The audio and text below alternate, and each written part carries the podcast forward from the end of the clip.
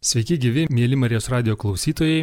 Mano vardas Rimas Macevičius ir šios dienos aktualijų laidoje kalbėsime apie virtualaus pasaulio iššūkius tiek tarp valstybinėme lygmenyje, tiek didžiųjų ar mažesnių įmonių santykiuose, veikloje, tiek asmeninėme lygmenyje vis daugiau sistemų tampa automatizuotos, kompiuterizuotos, valdomos nuotoliniu būdu. E, taip pat ir santykiai, kuo toliau, tuo labiau naudojasi virtualia erdve ir, ir čia kyla nemažai iššūkių, kibernetinės atakos, melagingos naujienos, vadinamos fake news, taip pat priklausomybė nuo išmaniųjų įrenginių naudojimo e, ir apie visus šiuos iššūkius, kiek pavyks apriepti. E, šioje laidoje kalbėsimės ir man malonu pristatyti e, Marijos Radio Vilniaus studijoje besisvečiuojantį Rytų Europos studijų centro direktorių Lina Kojalą. Sveiki, gyvi. Sveiki. Apie šias e, grėsmės, apie šiuos iššūkius, kalbant, ar yra kažkokia klasifikacija, kaip mes juos galėtume suskirstyti virtualioje erdvėje kylančias grėsmės iššūkius? Aišku, klasifikuoti juos pakankamai sudėtinga, bet turbūt niekam nekyla abejonių, kad virtualios erdvės iššūkiai šiandien yra nemažiau aktualūs ir svarbus negu tai, kas vyksta fizinėje erdvėje. Kai kuriais atvejais turbūt netgi virtualus pasaulis yra aktyvesnis negu fizinis pasaulis, nes tarp valstybių galbūt konfliktų ir nėra šiandien tarp atskirų valstybių, bet tai nereiškia, kad jos nuolatos nesigrumė informacinėje erdvėje. Lygiai taip pat kaip ir visuomenėje mes galime, na, kasdienybėje fiziškai nematyti galbūt skirčių, bet jos labai aštriai pasireiškia virtualioje erdvėje. Ir tai turbūt parodo ir labai daugybė tą tyrimų pagrindžia, kad tiek dezinformacija arba vadinamosios netikros naujienos, fake news, tiek kibernetiniai išpoliai, jie yra visų nuo asmens iki valstybių prioritetas. Nes jeigu nori būti saugus, tu turi būti saugus ir toje erdvėje. Antraip, tavimi bus manipuliuojama, iš tavęs bus galbūt pavogiami tiesiog ar netiesiogiai pinigai, arba mažų mažiausiai tu būsi suklaidinamas. Nors šitie terminai fake news, kibernetinė ataka skamba, yra tikrai girdėti, tačiau kaip, kaip galėtume apibriežti? Fake news, melagingos, netikros naujienos, melagienos dar verčiama E, ką jau galime vadinti netikra naujiena, fake news? Tai yra tikslingas informacijos iškreipimas. Yra ne klaida, ne galbūt interpretacija vieno ar kito proceso, kuris gali būti vertinamas įvairiai, bet tikslingai skleidžiama neteisinga informacija, kuria siekiama dažniausiai paveikti visuomenės plačiaja to žodžio prasme arba atskirų jos grupių nuomonę. Tokia informacija yra dažnai pritaikoma prie atskirų visuomenės grupių, jaunesniems jinai formuojama vienaip, vyresniems kitaip, naudojami skirtingi šaltiniai, radijas, galbūt šiek tiek mažiau, bet internete tai ypatingai daug tokių platformų yra. Kitaip tariant, yra bandoma įvairiais būdais suklaidinti ir tikslingai skleidžiama neteisinga informacija. Dažnai tai turi politinių politinių tikslų. Tai yra tas, kuris tą informaciją skleidžia, jis tą vėlgi daro ne klyzdamas, o norėdamas suklaidinti kitus ir pakreipti jų mąstymą savo palankę linkmę. Kokie galėtų būti pavyzdžiai fake news? Tiesiog, kai praneša, e, kad įvyko kažkas, ko visai nebuvo, tai būtų liktai labai akivaizdu ir, ir kažin ar turėtų didelį poveikį tiems, kas skaito Na, tokių pavyzdžių yra įvairių, be abejo, kaip jūs ir minite, ir su konkrečiais įvykiais susijusiu, ir su platesniais procesais. Pavyzdžiui, mes ne vieną kartą per pastaruosius metus matėme atvejų, kai pasirodo būtent informacija apie tai, kas neva įvyko, nors to iš tikrųjų nebuvo. Ir tai dažnai yra nutaikyta, pavyzdžiui, į Lietuvoje dislokuotas NATO sąjungininkų pajėgas. Buvo paskleista informacija ne vieną kartą, kad, pavyzdžiui, čia besisvečiuojantis mūsų sąjungininkų kariai išprievartauja mergaitę, kad jie galbūt gatvėje partrenkė vaiką. Na, tokia emociškai tarsi ir sudominanti informacija, bet ji neturėjo jokio realaus pagrindo, ji buvo paskleista tokiuose šaltiniuose, kurie tikrai nėra patikimi ir greitai ji buvo suvaldyta, bet bet kuriuo atveju ji buvo skleidžiama. ir turėjo tam tikrą rezonansą atskirose visuomenės grupėse. Tiesiog melaginga žinia, kurią siekiama vėlgi turbūt diskredituoti, parodyti, kad e, mūsų sąjungininkai čia elgesi netinkamai, kad jie sukelia daugybę problemų ir panašiai.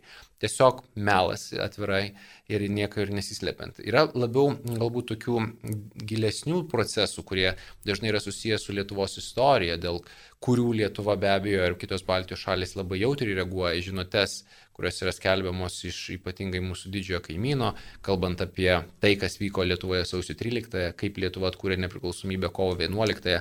Dažnai mes matome tuos pranešimus, kurie pateikė versiją, kad e, visa tai galbūt buvo ne ne, nesusipratusių žmonių mažumos bandymas pakreipti procesus ne tą linkmę, kurią norėjo, kad jį būtų kreipiami didžioji šalies gyventojų dalis, kad sausio 13-ąją mes jau puikiai girdėjom tas istorijas, ne sovietų kariai pasikesino ir nužudė nemažą dalį Lietuvos piliečių, bet kad tai buvo neva vietinių darbas, kažkokių tai sukarintų pajėgų ir panašiai.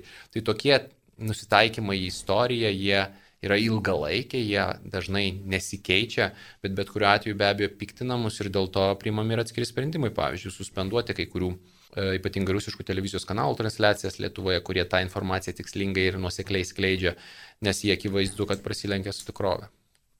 Ar galima supainioti tokias e, naujienas, tokią informaciją su, su nuomonė? Ta prasme, kad e, tie, kas e, skleidžia šitą informaciją, kas e, paskelbė tokį straipsnį, gali sakyti, kad tai yra jų nuomonė. Ta prasme, ar fake news lengva demaskuoti, įrodant, kad faktiškai tai netitinka tiesos ir tiek, ar, ar čia galima kažkaip tai sunkiai identifikuoti tai, kas yra fake news? Labai geras klausimas ir aš manau, kad vienreikšmiško atsakymo nėra. Kai kuriais atvejais be abejo nekyla bejonių, kad viena ar kita informacija yra melaginga ir nėra ten ką interpretuoti. Aš jau minėjau pavyzdį na, su NATO kariais, kurie ne va tai išprivartavo mergaitę. Akivaizdu, kad tai to nebuvo, vadinasi, ta skleidžiama informacija jokių būdų negali būti nuomonė, tai yra tiesiog melas. Lygiai taip pat ir su istorija. Na, galima kalbėti apie istorinės interpretacijas ir jų skirtumus, bet na, akivaizdu, kad sausio 13-ąją savi šaudė į savus nėra nuomonė. Tai yra teiginys, kuris neturi jokio realaus pagrindo, yra daugybę kartų įvairiais skirtingais būdais paneigtas ir jeigu tai yra toliau kartojama, vadinasi, ko gero yra jau peržengiamos gerokai peržengiamos nuomonės ribos. Bet kai kalbam apie politinius procesus, ir tai ypatingai aktualu net ne tik tai kalbant apie Lietuvos santykius su mūsų kaimininėmis šalimis, bet ir apskritai vakarų pasauliu, iš tikrųjų politinės nuomonės ribas apibriežti, kur jos prasideda ir kur baigėsi, ir kur jau galbūt peržengiama į melagingai skleidžiamos informacijos spektrą, čia jau tampa padaryti gerokai sudėtingiau. Ir ne veltui mes matome, pavyzdžiui, socialinius tinklus, tokius kaip na, Facebook, kurie vengia kaip nors vertinti informaciją, kuri turi politinį prieskonį ar ypatingai yra skleidžiama politikų. Sakydami tai socialiniai tinklai, kad mes negalime galbūt ir neteisingai skambančios politinės informacijos traktuoti kaip melo, todėl kad ten tiesos ir melo ribos yra labai jautrios. Ir jeigu mes pradėsime blokuoti vienus politikus, tuomet jie piktinsis, kad yra užkardoma jų žodžio laisvė. Jeigu imsime blokuoti kitus, tai vėl tas pats prasidės iš kitos pusės. Vadinasi, jie renkasi tokią poziciją, na jeigu tai yra politinis procesas, jeigu tai yra politinis teiginys, mes liekame nuo šalyje ir tampame tik platformą. Ar tai yra gerai, ar tai blogai, turbūt čia jau irgi diskusinis klausimas, yra teigiančių ir taip, ir taip, bet e, akivaizdu, kad iš tikrųjų apibriežti politinėme procese melą ir tiesą yra sunkiau, negu kalbant apie faktinės aplinkybės. Tai yra toks jau rimtas terminas ir, ir ilgai naudojamas, neteisingos naujienos, fake news, galbūt yra kažkokie tai rimti pasiūlymai, kaip e, su tuo kovoti, kuriais galėtų e, naudotis kiekvienas žmogus, kaip, kaip vengti būti apgautam tų naujienų, kaip atskirti, kaip atsirinkti, į ką atkreipti dėmesį, pamačius naujieną, kuri, kuri intriguoja, nes yra ir daug e, teisingų žinių, intriguojančių, įvykstančių. Iš ties tie būdai atrodytų labai elementarūs, bet tuo pačiu ir labai sudėtingi. Viskas prasideda nuo gebėjimo vertinti informaciją ir noro ją bent jau patikrinti. turbūt yra labai svarbu, kad kiekviena žinia, ypatingai ta, kuri sutraukia didelę emociją, kuri galbūt užkabina savo antraštę, jinai nebūtų laikoma absoliučia tiesa automatiškai, kad ją būtų galima pasižiūrėti ir iš kitų perspektyvų. Galbūt jeigu ją praneša vienas e, portalas arba vienas žiniasklaidos šaltinis, pabandyti paklausyti, ką sako kitas šaltinis, pabandyti surasti pirmiausiai, ar tai apskritai nėra tik tai vienoje vietoje skleidžiama žinia, kuri, jeigu ypatingai yra labai svarbi ir aktuali, kiltų klausimas, kodėl neatsiduria tik tai viename šaltinėje, kiti apie jį tyli. Galbūt kitame šaltinėje jį bus pateikiama visiškai kitokiu kampu. Vadinasi, bent jau kelios to paties įvykio perspektyvos, ypatingai jeigu vėlgi tas įvykis emociškai yra um, iššaukiantis, yra labai svarbu. Kitas dalykas, reikėtų tiesiog net ne tik tai žiūrėti į tuos šaltinius, bet ir pakankamai kritiškai vertinti juose skleidžiamą informaciją. Suprasti, kad vienas šaltinis skiria didelį dėmesį tam, kad jų pateikiama žinių kokybė būtų gera. Jie investuoja į savo komandą, į savo žurnalistus, jie investuoja į kokybės užtikrinimą ir panašiai. Kitigi galbūt užsiema tuo, kas, na, yra akivaizdžiai vieno ar kelių asmenų asmeninės iniciatyvos, kurios natūralu dėl to susiduria su kokybės kontrolės, galiausiai objektivumo kriterijais. Tai atsirinkti tuos šaltinius iš anksto ir turėti tais, kuriais yra labiau pasitikima ir tais, kuriais galbūt vertinama kritiškiau informacija, taip pat yra labai reikšminga. Lygiai taip pat, kaip ir turbūt apskritai suvokti, kad gyvename tokiame amžiuje, kai yra labai svarbu monetizuoti kiekvieną mūsų veiksmą atliekamą ypatingai virtualioje erdvėje. Vadinasi, norima gauti mūsų dėmesį norima gauti mūsų paspaudimus, norima gauti mūsų laiką praleistą viename ar kitame portale. Vadinasi, mūsų užduotis yra atsirinkti, kur mes esame priviliojami, o kur iš tikrųjų renkamės informaciją. Ir geriausia iš tikrųjų, man atrodo, yra tada, kai žmonės ne tik tai pasitikrina šaltinius, ne tik tai juos savo patys apsibrėžia, bet ir tiesiog kartais dažniau negu įprasta skaito knygas, nes gebėjimas pažinti įvairius kontekstus sugebėjimas gilintis į procesus, ar tai būtų istoriniai dalykai, ar susijęs su šiandienos aktualijomis, ar su ekonomika, ar su kultūra, jie padaro mus natūraliai atsparesnius bet kokiais bandymais e, mumis manipuliuoti, todėl kad turėdami kontekstą, suprasdami bent šiek tiek procesus, mes daug kritiškiau vertinsime žinutės apie tas, tuos procesus, kurie yra viešoje erdvėje. Kitaip tariant, paprasčiausiai išsilavinimas yra puikus būdas kovoti su fake news žinių skaitimas yra toks greitas, dažnai žmonės turi įprotį e, skaityti žinias kažką veikdami, sužinoti, kas vyksta ir tai asocijuojasi su tokiu greitu, pribėgtiniu skaitimu, o priešnodis yra tas toks sulėtinimas, sakot, skaityti knygas arba tikrinti informaciją, žiūrėti daugiau šaltinių, tai labai neįprasta ir nepatrauklu, lyginant su tuo, kaip žmonės įpratę yra ir kaip e, raginami įprasti skubėjimas ir, ir greitas tas vartojimas, kad ir, kad ir žinių, kad ir naujienų. Visiškai sutinku, tai yra iššūkis. Aš manau, kad galbūt pandemija šiek tiek sulėtino visų mūsų gyvenimus ir paskatino atsigręžti į tuos dalykus, kurie yra naudingi ir prasmingi ilgalaikėje perspektyvoje, ne tik į tą kasdienybės liūną. Tai tikiuosi, kad galbūt tai taps tragedijos kontekste paskata mums keisti ir savo dalį įpročių.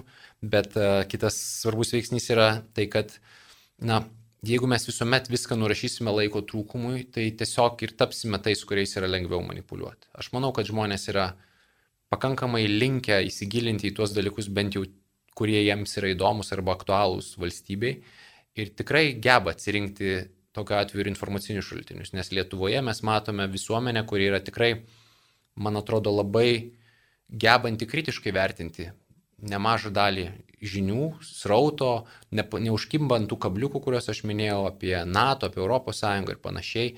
Tos samokslo teorijos, ir tą rodo ir mūsų tyrimas, to Europos studijų centro, kuris dar neviešinamas yra Lietuvoje, nėra taip plačiai paplitusios, tai vadinasi, žmonės reflektuoja į dalykus, e, žvelgdami iš įvairių perspektyvų. Jie elgesi tarsi natūraliai, bet iš tikrųjų laikosi tų taisyklių arba na, principų, kurie leidžia jiems geriau identifikuoti arba būti mažiau ir rečiau suklaidinamiems. Tai aš manau, kad situacija tikrai nėra nėra tokia bloga, bet be abejo, reikia nuolatos save augdyti ir turbūt svarstyti ilgalaikėje perspektyvoje arba vidutinio laikotarpio perspektyvoje vėlgi apie tos pačius šaltinius. Man atrodo, pasaulis artėja prie tos situacijos, kai daugelis žiniasklaidos šaltinių, ypatingai tų, kurie užtikrina kokybę, yra mokami. Tiesiog tu moki kelių eurų ar keliolikos eurų prenumeratos mokestį, mainais už tai gaudamas informaciją, kuri yra ir patikrinta, ir galbūt turinti to mažiau emocinio krūvio. Jeigu liekama nemokamoje erdvėje, dažniausiai bandoma vėlgi pasinaudoti mumis visiškai komerciniais tikslais, kad pritrauktų mūsų dėmesį ir dėl to tos žinios jos tampa truputėlį galbūt kartais pernelyg emocingos. Tai mes matome, kad vakarų šalise jau yra kryptingai judama į mokamą turinį, kuris generuoja kokybę. Lietuvoje lygiai taip pat tos tendencijos jau ir čia matomos.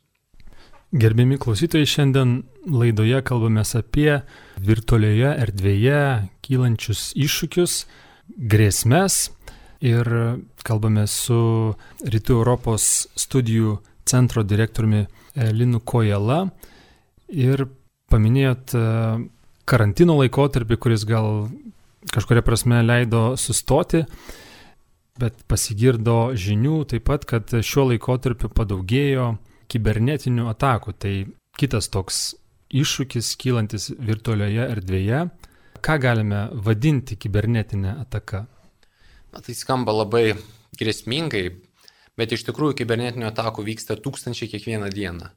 Ir taikinys yra ne tik tai svarbios valstybės institucijos, tie šaltiniai, kurie turi specifinės, dažnai neviešos informacijos, bet ir kiekvieno iš mūsų telefonai, kiekvieno iš mūsų kompiuteriai, kurie gali tapti priemonę kažkam bandyti pralopti arba bent jau panaudoti mūsų kompiuterių ir mūsų mobiliųjų telefonų pajėgumus tam, kad būtų, na, pavyzdžiui, kasamos kriptovaliutos kur nors labai labai toli nuo mūsų namų, tiesiog pasinaudojant mūsų telefono ar kompiuterio turimais e, vidiniais resursais. Vadinasi, neturėtume traktuoti savęs kaip atsietais nuo kibernetinių procesų, net jeigu esame ne valstybės tarnautojai, ne politikai ir ne kokie nors save laikantys svarbiais žmonėmis. Kiekvieno iš mūsų elektroninis renginys, kuris yra tinkle, jis yra potencialus atako šaltinis. Ir vėlgi, dėl to tų atakų ir fiksuojama tiek daug, jos turi skirtingą kalibrą, skirtingą pobūdį, bet e, jų mastas yra toks, kuris neleidžia subejoti, kad ir ateityje tų procesų tik tai daugės. Ir kiekvieno iš mūsų hygiena turiuomenį saugumo elementarių dalykų užtikrinimą savo erdvėje, kurioje mes naudojamės, telefonai, kompiuteriai, planšetės, jis yra labai reikšmingas veiksnys. Ar mes atsidursime toje kibernetinių atakų pusėje, kurios yra sėkmingos atakos, ar vis tik tai toje atakų pusėje, kurios yra bandomos surenkti, bet galiausiai atsimuša į vienokią ir kitokią sieną. E, kiekvienas turime telefoną ir jau esame galimi kibernetinių atakų taikiniai. Tačiau galbūt daugelis žmonių galvoja, kad ta žala, kuri gali būti padaryta man paprastam, turinčiam išmanų į telefoną ar planšetę, yra atitinkamai mažesnė negu kai kalbame apie tas kibernetinės atakas, taip e, grėsmingai skambančias, bet e, kurios yra e, nukreiptos prieš valstybės, prieš viešasias įstaigas ar E, didelės įmonės, tai paprastam žmogui e, eiliniam, kokia gali būti žala, e, kokie gali būti pavyzdžiai tos, tos kibernetinės atakos. Iš tikrųjų taip, galbūt ta žala asmeniui visada santykyje yra mažesnė negu valstybėms ar didelioms įmonėms, bet yra labai konkreti. Na, buvo ne vienas atvejis, kai pasklisdavo internetinėje erdvėje mm, trojanai ar virusai, kurie, pavyzdžiui, užblokuoja kompiuterio ar mobilaus telefono darbą ir tau liepia susimokėti, galbūt ir nelabai didelę sumą pinigų, bet tai gali būti ir šimtas dolerių ir daugiau, tam, kad tiesiog tu galėtum prieiti prie savo duomenų. Jie galbūt nėra kažkokie ypatingai svarbus, bet jums kaip asmeniu jie yra reikšmingi. Tai yra jūsų darbo dokumentai, tai yra jūsų nuotraukos, tai yra jūsų galiausiai prisijungimai prie įvairių socialinių tinklų, prie įvairių interneto portalų ir panašiai. Ir labai tiesioginė ataka nukreipta prieš jūsų asmenį jums kainuoja pinigus. Ir dar nežinia, ar netgi ir sumokėjus juos, būtų galimybė atgauti tos duomenys. Tai tiesioginis išpolis. Kitas dalykas, ir vėlgi mes tą esame matę, netgi ir išpoliai prieš valstybės, jie nėra tik tai abstraktus išpoliai prieš valstybės. Prieš keletą metų Junktinėje karalystėje ir kitur įvyko panaši ataka, kurios metu buvo užblokuotas didelės dalies Junktinės karalystės ligoninių informacinių tinklų darbas. Tiesiog neveikė kurį laiko kompiuteriai. Buvo nutrauktos kai kur paslaugos, reikėjo jas staigiai labai atkūrinėti, nes tiesiog neveikia kompiuteriai. Na, tai vėlgi atrodytų abstraktė ataka prieš kažką, prieš valstybę, galbūt prieš institucijas, bet ji tiesiogiai paveikia tūkstančių žmonių, kurie galbūt negavo tinkamų paslaugų arba apskritai negalėjo jų gauti, nes tiesiog sistema negalėjo funkcionuoti kurį laiką sėkmingai. Tai visos tos abstrakcijos jos tampa labai konkrečiais dalykais. Ir turbūt kiekvienas pabrėžtų, kad e, net ir būdami ne tie, kurie galbūt yra pirminiai kažkokių valstybių taikiniai, mes esame tinkle. Kai tu esi tokiame sujungtame tinkle, tu negali manyti, kad esi saugus dėl to, kad niekam neįdomus. Šiandien viską mes turime, visus įmanomus turbūt duomenys savo telefonuose. Nuo prisijungimo prie banko sąskaitų, nuo elektroninių parašų iki asmeninių nuotraukų, dokumentų kopijų, e, asmens duomenų, e, pasų kopijų ir panašiai. Visa tai gali tapti įdomiu dalyku išpolio vykdytojų ir reikėtų bent jau elementariomis, minimaliomis priemonėmis apsaugoti kiekvieno iš mūsų įrenginį, kad tą padaryti būtų sunkiau. Ar tų, tų priemonių iš esmės pakanka, tų paprastų min, minimalių priemonių pakanka? Na, turbūt daugelis ekspertų pabrėžia, kad jeigu yra taikomos bent jau minimalios priemonės, turiuomenį e, naudojamas antivirusas, antivirusinė programinė įranga, naudojama galbūt ugnesienė, naudojamas galbūt dar kelios kitos priemonės, kurios padeda palaikyti, pavyzdžiui, kompiuterinės technikos ir įrenginio saugumą. Tai jau gerokai apsunkina galimybės kažkam įvykdyti išpolį prieš tą kompiuterį. Tikrai neapsaugo šimtų procentų. Turbūt visi pasakytų, kad bet kokio kompiuterio apsaugos lygis yra toks, kuris santykė su išpoliu gali labai varijuoti. Jeigu išpolis yra labai didelis ir labai kryptingai nukreiptas, tai visas apsaugas įmanoma nulaužti. Bet tokiam bendram vartotojui, ko gero, tos vidutinės apsaugos priemonės jos padeda atremti didžiąją dalį, tą, kuri neužkipti ant tų kabliukų, kurie kainuotų labai brangiai, bet kartu jos ir atremti tarsi nėra labai sudėtinga. Nes išpolius vykdančios e, organizacijos, tarp pavieniai asmenys pirmiausiai naudojasi tais, kurie nedaro nieko, kurie nesirūpina visiškai savo saugumu ir jie tampa tokiais lengvais taikiniais, kad į tuos, kurie bent jau šiek tiek savimi rūpinasi, net neverta taikytis. Yra lengviau, pa, nu, lengviau pažeidžiamų asmenų, taip sakant, žemiau kabančių vaisių, kuriuos nuskinti gali nesiekdamas kopečiamis tų, kurie yra labai aukštai. E, kalbant apie nusikaltelius, kibernetinius nusikaltelius, ar tai yra organizuotas nusikalstamumas, ar, ar tiesiog žmogus, programišius, sėdintis tamsiame kambaryje gali pridaryti daug žalos ir dėl jų išaiškinimo, ar apskritai yra išaiškinami e, šių atakų organizatoriai, nes e, liktai nelabai girdisi. Dabar tokie išpoliai yra dažni, bet e, įprastų nusikaltimų kažkaip ieškoti nusikaltelių kaltųjų ir, ir juos vat, paskelbę, žmonės žino, kas įvykdė tą nusikaltimą ar kitą. Tačiau su kibernetiniam atakom liktai apie tai mažai girdima. Be abejo, tai sunkus uh, uždavinys. Dažnai yra nustatomi didžiųjų atakų vykdytojai arba bent jau užsakovai. Tas yra pastebima, pavyzdžiui, Junktinių valstybių Rusijos santykiuose. Yra netgi specialios pradėtos baudžiamosios bylos prieš konkrečius e, Rusijos piliečius Junktinėse valstijose, kurie yra kaltinami tuo, kad vykdė išpolius prieš Junktinių valstybių politinę sistemą, prieš vieną iš politinių partijų, demokratų partiją, na, prieš rinkiminį patį procesą. Jie yra identifikuoti, bet visi puikiai supranta ir tai, kad šie asmenys, būdami Rusijoje, kuri neturi ekstradicijos susitarimų su Junktinėmis valstijomis, jie yra identifikuoti, bet iš esmės savo šalyje niekaip nepažeidžiami. Kitaip tariant, atsakomybės realiai jie už savo veiksmus neturės jokios, nebent pasikeistų staiga politinė sistema Rusijoje arba politinis santykis su Junktinėmis valstybėmis ir jie būtų išduoti. Tai viena vertus tu identifikuoji, tu gali įvardyti, bet neturi prieigos prie jų pritaikyti realias sankcijas.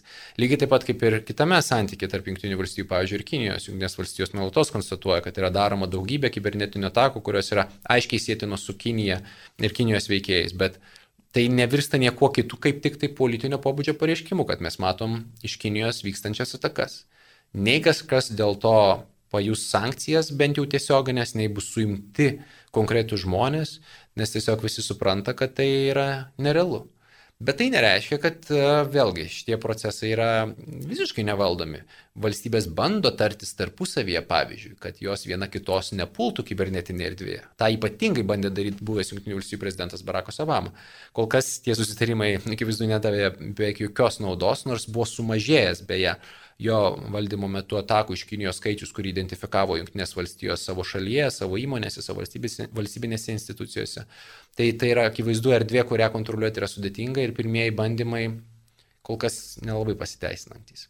Pavieniai veikėjai, kaip jūs ir minėjote, iš tikrųjų dažnai yra konstatuojama, kad išpolius ypatingai nukreiptus į tam tikrą uždarbį ir siekį užsidirbti gali įvykdyti ir nebūtinai organizuotos grupės, o pavieniai pavieniai asmenys. Ir būtent tokie asmenys dažniausiai taikosi į, į paprastus kitus interneto vartotojus, bandydami iš jų gauti tiesiog pinigų, kaip ir minėta, užrakinant prieimą prie informacijos kompiuteriuose ar išnaudojant kompiuterių procesoriaus pajėgumus, prijungiant juos prie darbo, kuris yra reikalingas tam ar kitam asmeniui ir kuriam reikia labai didelių kompiuterinių pajėgumų, bet jų aišku sukurti fiziškai nepavyksta, dėl to virusas paskleidžiamas po visą pasaulį ir tie kompiuteriai nejučiamis mums patiems pradeda dirbti kažkam kurdami pridėtinę vertę, o realiai e, aišku, kad tai yra irgi nusikalstamos veiklos požymis. Dažnai pasigirsta, nežinau, kaip jums atrodo, galbūt perdėtų, perdėto įtarumo apie naudojimąsi išmaniaisiais įrenginiais, visą ko kompiuterizavimą ir žmonės kartais e, pareiškia, kad e, stengiasi kuo mažiau naudotis, kad taip e, yra saugesni nuo tokių ir panašių atakų. Tačiau to kompiuterizavimuose tikriausiai nesustabdysi ir čia iškyla kita grėsmė neraštingumo šiokio tokio kas liečia informacinės technologijas, žmonės atsiribodami tampa vis mažiau e, raštingi šitoje srityje ir kažkokia vystosi atskirtis. Ar čia yra problema ir ar atsiribojimas nuo naudojimos informacinėmis technologijomis iš, išmaniaisiais renginiais yra išeitis? Turbūt visiškas atsiribojimas nėra išeitis, būtų labai sudėtinga šiandieninėme pasaulyje jau šiandien, aš jau nekalbu apie tai, ką turbūt matysime po penkerių metų, išgyventi visiškai atsiribojus. Tai bus sudėtinga gauti viešasias paslaugas, paprasčiausiai pasigaminti dokumentą ir panašiai, nes yra daug mažiau dabar siekiama, kad tai būtų galima padaryti gyvai. Vis dar yra daugybė funkcijų, kurios yra atliekamos be abejo gyvai, bet daugelis jų po truputėlį yra perkeliamos į virtualią erdvę ir tikėtina, kad ateityje bus labai sudėtinga tą padaryti. Lygiai taip pat ir su bankais mes matome mažėja bankų skyrių, nes visos paslaugos keliasi į elektroninę erdvę ir norima, kad vartotojai, na, bent jau šioje srityje būtų pakankamai raštingi, kad patenkintų savo pačių poreikius. Tai visiškas atsiribojimas, ko gero, na, yra labai sudėtingas ir tai tikrai gali atriboti žmogų ir nuo informacijos, ir nuo paslaugų, ir galiausiai gerokai, gerokai apsunkinti jo kasdienybę, net jeigu ir įmanoma tas paslaugas kompensuoti kitais būdais. Bet jeigu tai yra sąmoningas žmogaus noras sumažinti galbūt priklausomybę nuo virtualios erdvės, padaryti dalykus, kurie yra būtini, bet pavyzdžiui, grįžus namo ir vakarieniaujant, nenaršyti socialiniuose tinkluose arba neskaityti interneto portalų, tai aš manau, kad yra pakankamai sveikintina, nes mes turime ir kitų atvejų. Tai yra, kai kalbam apie didelę priklausomybę nuo virtualios erdvės, nuo mobiliųjų telefonų, nuo ekrano, plačiaja to žodžio prasme, kai nebesugebama atriboti, kas yra iš tikrųjų labai svarbu, aktualu ir naudinga žmogui, nuo tiesiog laiko gaišimo ir prisirišimo, tiesiog praleidžiant ten daugybę laiko. Tai jeigu žmogus geba pats apsispręsti, kada jam reikia, kada jam to nereikia, aš manau, kad tai yra labai sveikintina. Jeigu vis tik tai tos ribos yra peržengamos ar į vieną ar į kitą pusę, tai vienu atveju atsiribojant nuo virtualios erdvės tiesiog bus sudėtingiau gyventi, kitu atveju tai grės tapti didelę priklausomybę. Taip, tai yra šiokia tokia plona riba ir, ir laviruoti, būti sąmoningam ir, ir spręsti, būti atsakingam už save yra vienintelė e, išeitis ir tų plonų ribų šiandien taip pat nemažai buvo paliesta, tačiau tai yra, tai yra tikriausiai taip, kaip mes turime gyventi. Ir E, šiandien laidoje kalbėjomės apie virtualaus pasaulio iššūkius, e, spėjome paliesti fake news, melagingų e, netikrų naujienų aspektą, kibernetinių atakų, priklausomybę nuo išmaniųjų įrenginių. Ir laidoje dalyvavo Rytų Europos studijų centro direktorius Linas Kojala, mano vardas Rimas Macevičius. Dėkoju Jums, mėly Marijos radio klausytojai, kad klausėtės. Iki kitų kartų. Sudie.